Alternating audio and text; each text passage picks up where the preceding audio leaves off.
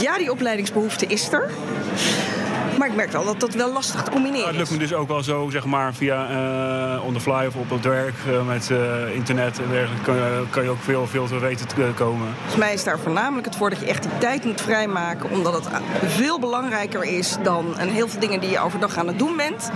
Maar de, de waan van de dag haalt je vaak in. Ik moet heel veel reizen voor het werk, dus daar gaat het om in. En dat moet je dan echt ook eh, afkaderen. Dat je dan de tijd ook neemt om eh, genoeg te kunnen studeren en, eh, en bij de cursussen aanwezig te zijn. Ja, je herkent de dilemma's vast wel. In deze podcast gaan we in op de open vraag... hoe kun je drukke medewerkers laten bijleren? Mijn naam is Meijnerd Schut en ik praat met Hans Blom... directeur HR bij ICT-dienstverlener Atos...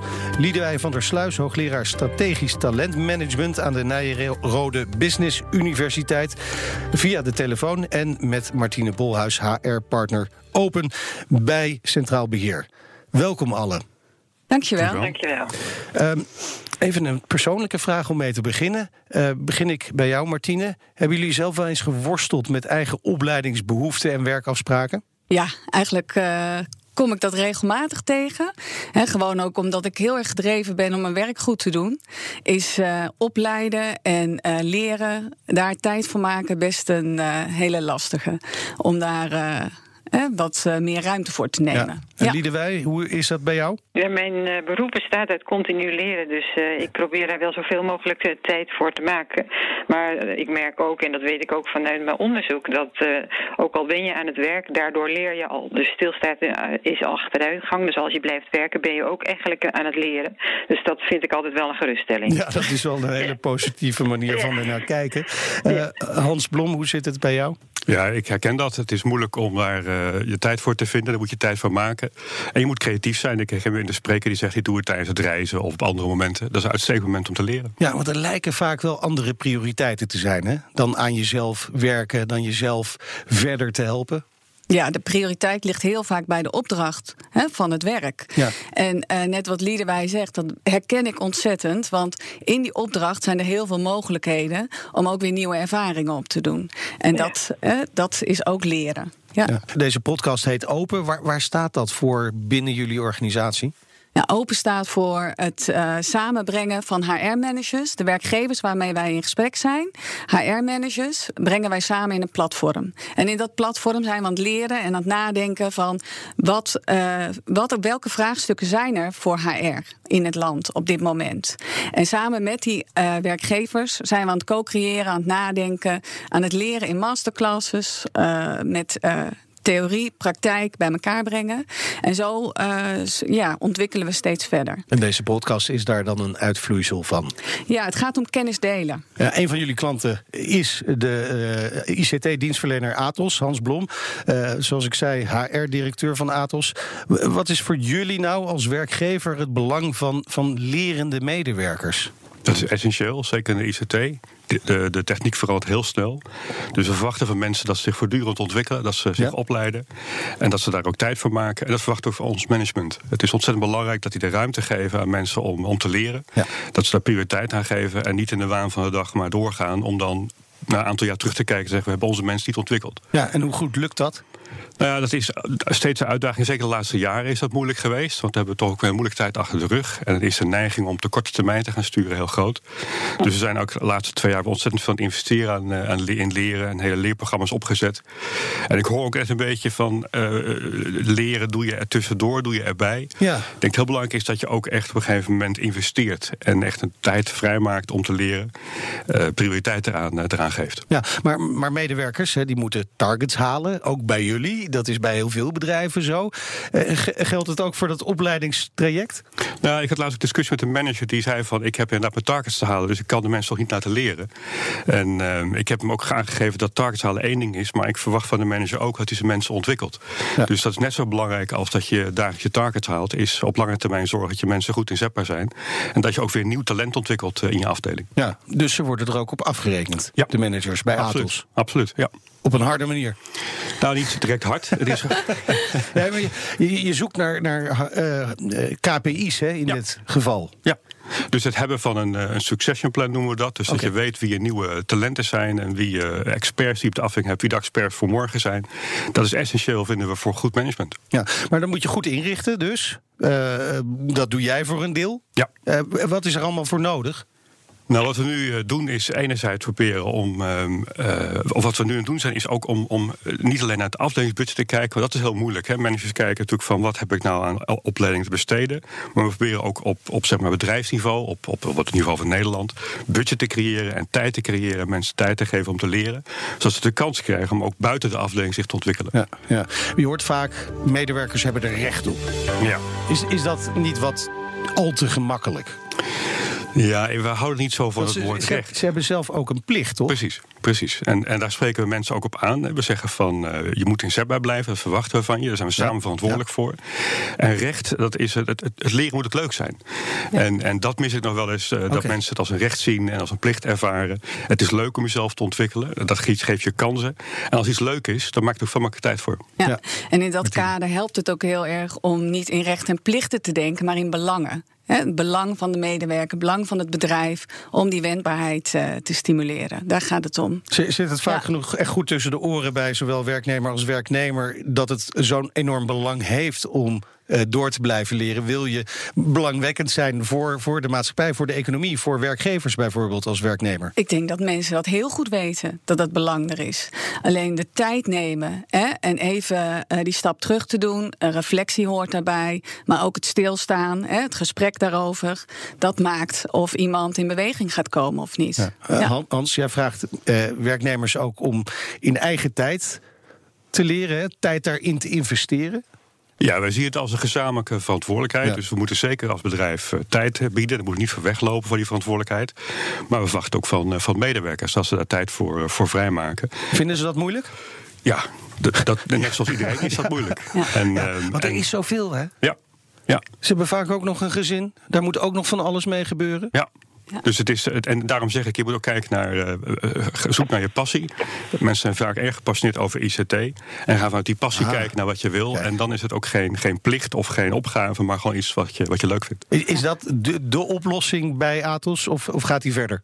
U bedoelt de oplossing die we kiezen Ja, om. ja, ja, om- ja. Nou ja, ik denk dat, dat wat we. eh, de oplossing die we, die we hebben, is dat we proberen zoveel te communiceren over de leermogelijkheden die we hebben. We hebben bijvoorbeeld een tech lab ingericht. Daar kunnen mensen, als het tijd is, om eh, met nieuwe releases gaan werken. Of met, met robots en dergelijke.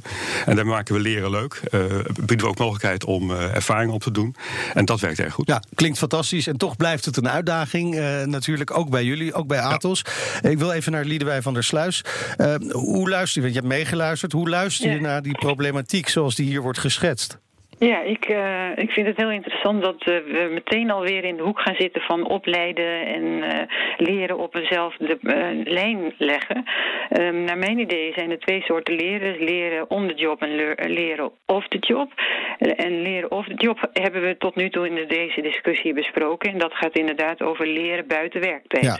Maar er is ook een heel grote com- component van leren on the job. En dat doe je dus tijdens je werk. En we weten dat eh, 70% van uiteindelijk het leereffect van werkzaamheden komt voort uit eh on-the-job learning en niet off-the-job learning. Dus ik zou me niet blind willen staren met elkaar op eh, van hoe kunnen we budgetten organiseren en tijd organiseren om de medewerkers te laten leren. Nee, leren gaat ook zeker eh, plaatsvinden op de werkplek, maar ook als ze vrije tijd hebben. Dus als ze met hun gezin bezig zijn, zoals net werd genoemd. Ook daarvan kun je leren. En misschien Ja, is dat zeker. dan niet.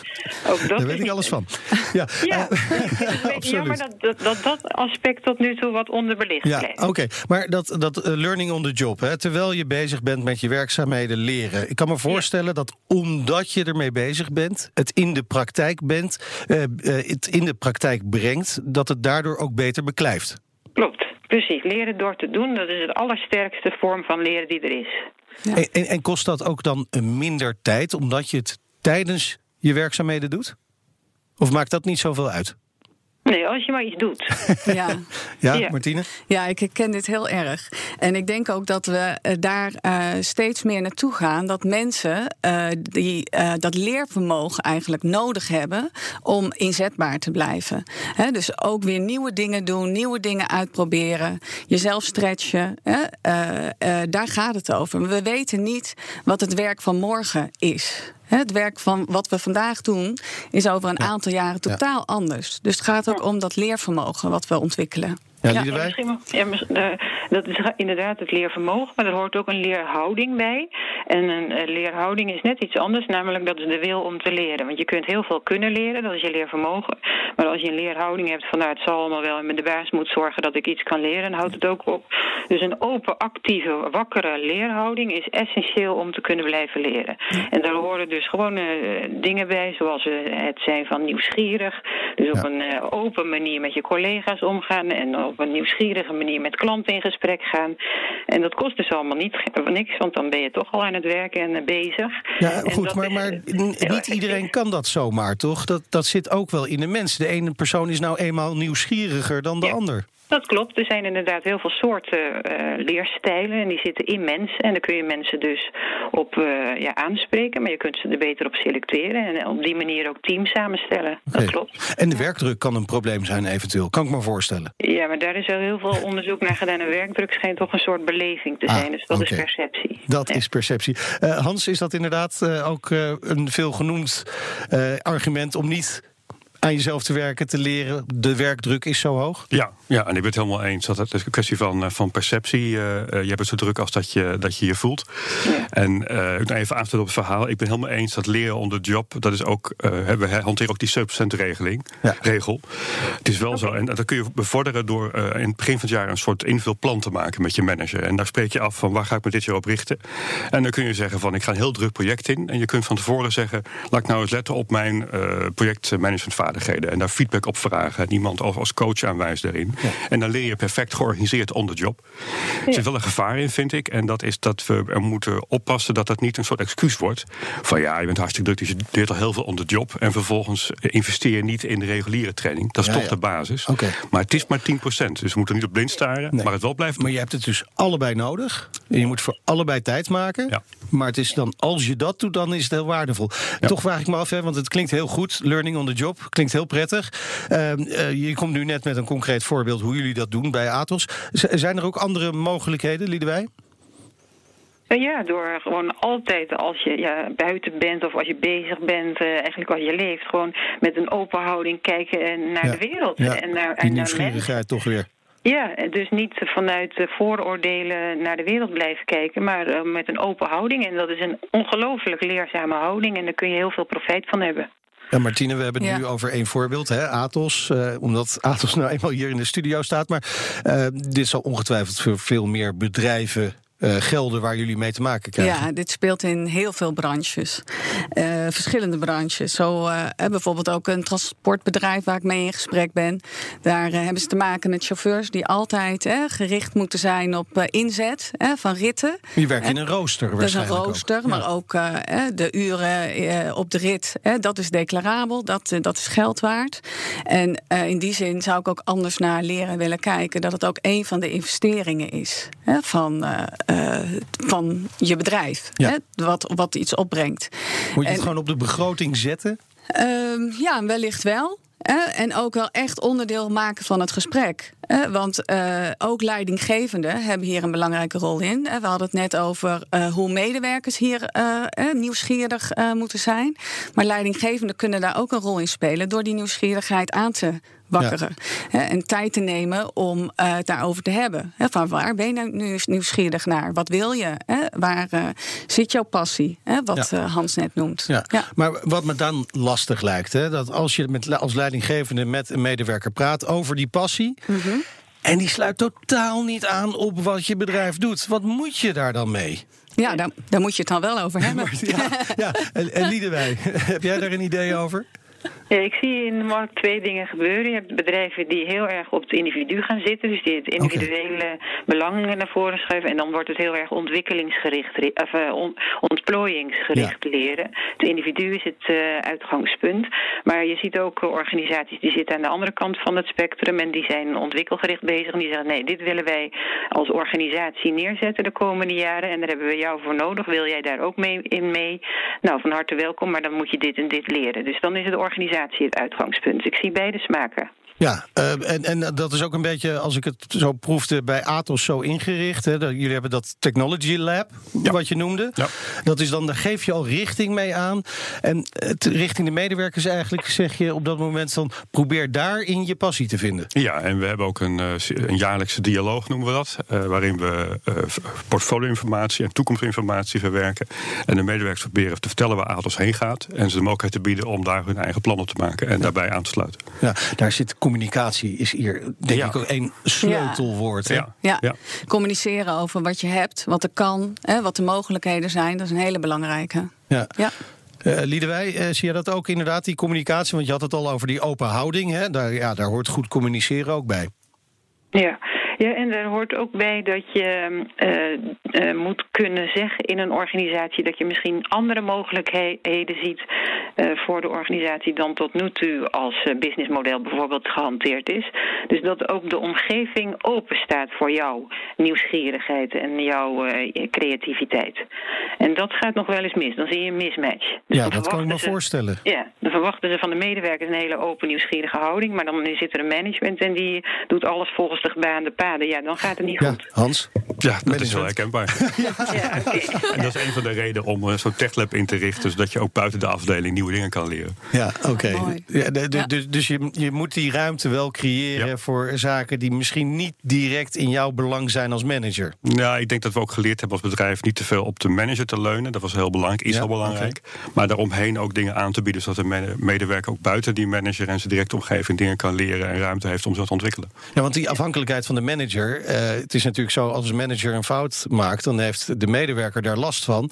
Dus die afhankelijkheid van die manager is misschien sowieso wel iets van het verleden. Ja, ik ja, zie hele vraag in de ogen. Ja, ja verleden. Die is er. En, die is er gewoon. Oké. die manager is ontzettend belangrijk. Die is, die is ook ja, maar die zou misschien wat minder belangrijk moeten worden. Ja, wij organiseren het ook om de manager heen, zodat de medewerker niet af, alleen afhankelijk is van de manager. Ja. ja. en daarbij is een manager ook een medewerker. En heeft ook uh, voorbeeldmogelijkheden. Uh, om te laten zien uh, waar hij mee bezig is. Of zij mee bezig is. Die, en die moet zich ook ontwikkelen Juist. natuurlijk. En heel veel leren, de, de manager. Uh, Liedewij, die rol van de manager, hoe zie jij die? Ja, ik vind juist dat die rol um, sterker moet worden. Oké. Okay. Dus hij is een beetje afgezwakt de afgelopen jaren. Maar uh, een medewerker kan alleen uh, tot bloei uh, komen als die medewerker een manager heeft die van alles met die medewerker doet en die die mogelijkheden voor de medewerker organiseert. Dus die manager is enorm verantwoordelijk voor het bloeien van medewerkers. En die afhankelijkheid die is dus heel erg groot, maar die is dus ook daardoor een verantwoordelijkheid voor de manager. Dus als het niet goed gaat met je medewerkers en als je medewerkers bijvoorbeeld niet aan het leren zijn en zich niet ontwikkelen, ja, dan zou die manager daar zichzelf ook verantwoordelijk moeten voelen. En daar zie ik uh, nou, wel, nog wel wat winst te halen. Een grotere ja. rol uh, voor de manager in elk geval. Ja, uh, we, we, ja Martine? Ja, ik vind dat nog wel een hele mooie aanvulling, want daar gaat het eigenlijk over die lerende organisatie. Is ja. dat het gesprek okay. hè, wat je in je bedrijf voert? Ben je een lerende organisatie? Want ook als bedrijf moet je voortdurend kijken wat gebeurt er in je omgeving hè, en sluit je daar nog op aan. We kunnen hier nog uren over doorpraten, denk ik. Zeker. Uh, de, de luisteraars die zitten natuurlijk ook te wachten op handige hands-on tips waar ze direct iets mee kunnen doen. Hans, zou jij er een paar kunnen noemen? Ik denk dat de tip is uh, uiteindelijk uh, dat, dat uh, voor mij vind het leuk. vind het leuk. Ja. Heb er passie voor. Passie ja. heb ik een paar Leer vanuit lol ja. en passie. Ja. Martine? Ja, kijk ook naar de win-win. En beschouw het echt als een investering in je bedrijf en in, je, in jezelf. Goed, dankjewel. Liedewij, ja, blijf nieuwsgierig. Ja, je hebt het al een paar Mooi. keer gezegd. Ja. Blijf openstaan voor de wereld en dan leer je waarschijnlijk het meeste. Ik ja. dank jullie alle drie hartelijk voor de bijdrage. Hans Blom, Liedewij van der Sluis en Martine Bolhuis. Luister ook naar onze andere open gesprekken... en kijk nog eens rond op de pagina centraalbeheer.nl slash open. Ging heel snel, hè? Nou, het ging echt supersnel. Ik ben echt helemaal... Dat Ik kan vond niet. het een mooi gesprek. Ja. Oh, wacht even. Volgens mij hebben we echt wel de dingen besproken die er eh, toe doen. Ehm, ja, een vervolg zou kunnen zijn dat leren, eh, als het echt pijn doet, dan leer je eigenlijk het meest. Oh ja. Ja. Dat, le- dat leren altijd leuk moet zijn, daar was ik het niet mee eens. Maar ik dacht, Nee, ja, dat is wel een goeie nog. Ja, ja ik, ik, ik, ik had toch een voorbeeld eh, in gedachten van. eh, ik, ik was laatst bij de koffiebar en daar hadden we sinds kort in het, in het gebouw.